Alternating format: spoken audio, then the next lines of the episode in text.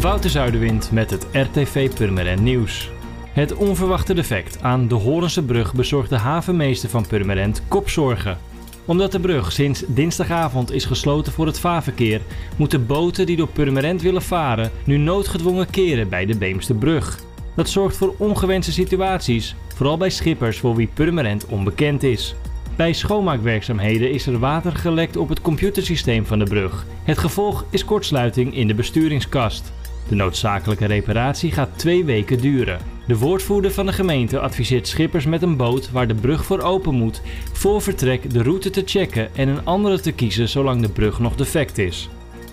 Twee auto's zijn gistermiddag met elkaar in botsing gekomen op de kruising van de Kwadijker Koogweg en de Van IJsendijkstraat. Beide auto's raakten totaal los. De politie nam bij een van de bestuurders een test af en nam de automobilist daarna mee naar het bureau. De vrouwelijke bestuurder raakte gewond aan haar hand, maar hoefde niet naar het ziekenhuis. En zaterdag 5 september is er voor maximaal 99 deelnemers de sponsorloop Walk to Fight Cancer in Purmerend en Beemster. Het is de bedoeling dat sponsors van de wandelaars voor het uitlopen van hun wandelroute zoveel mogelijk geld overmaken voor kankeronderzoek. Wie wil wandelen tegen kanker kan zich vanaf nu aanmelden op fightcancer.nl.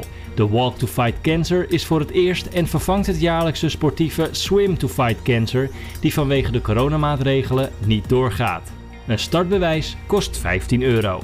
Voor meer nieuws, kijk of luister je natuurlijk naar RTV Purmerend, volg je onze socials of ga je naar rtvpurmerend.nl.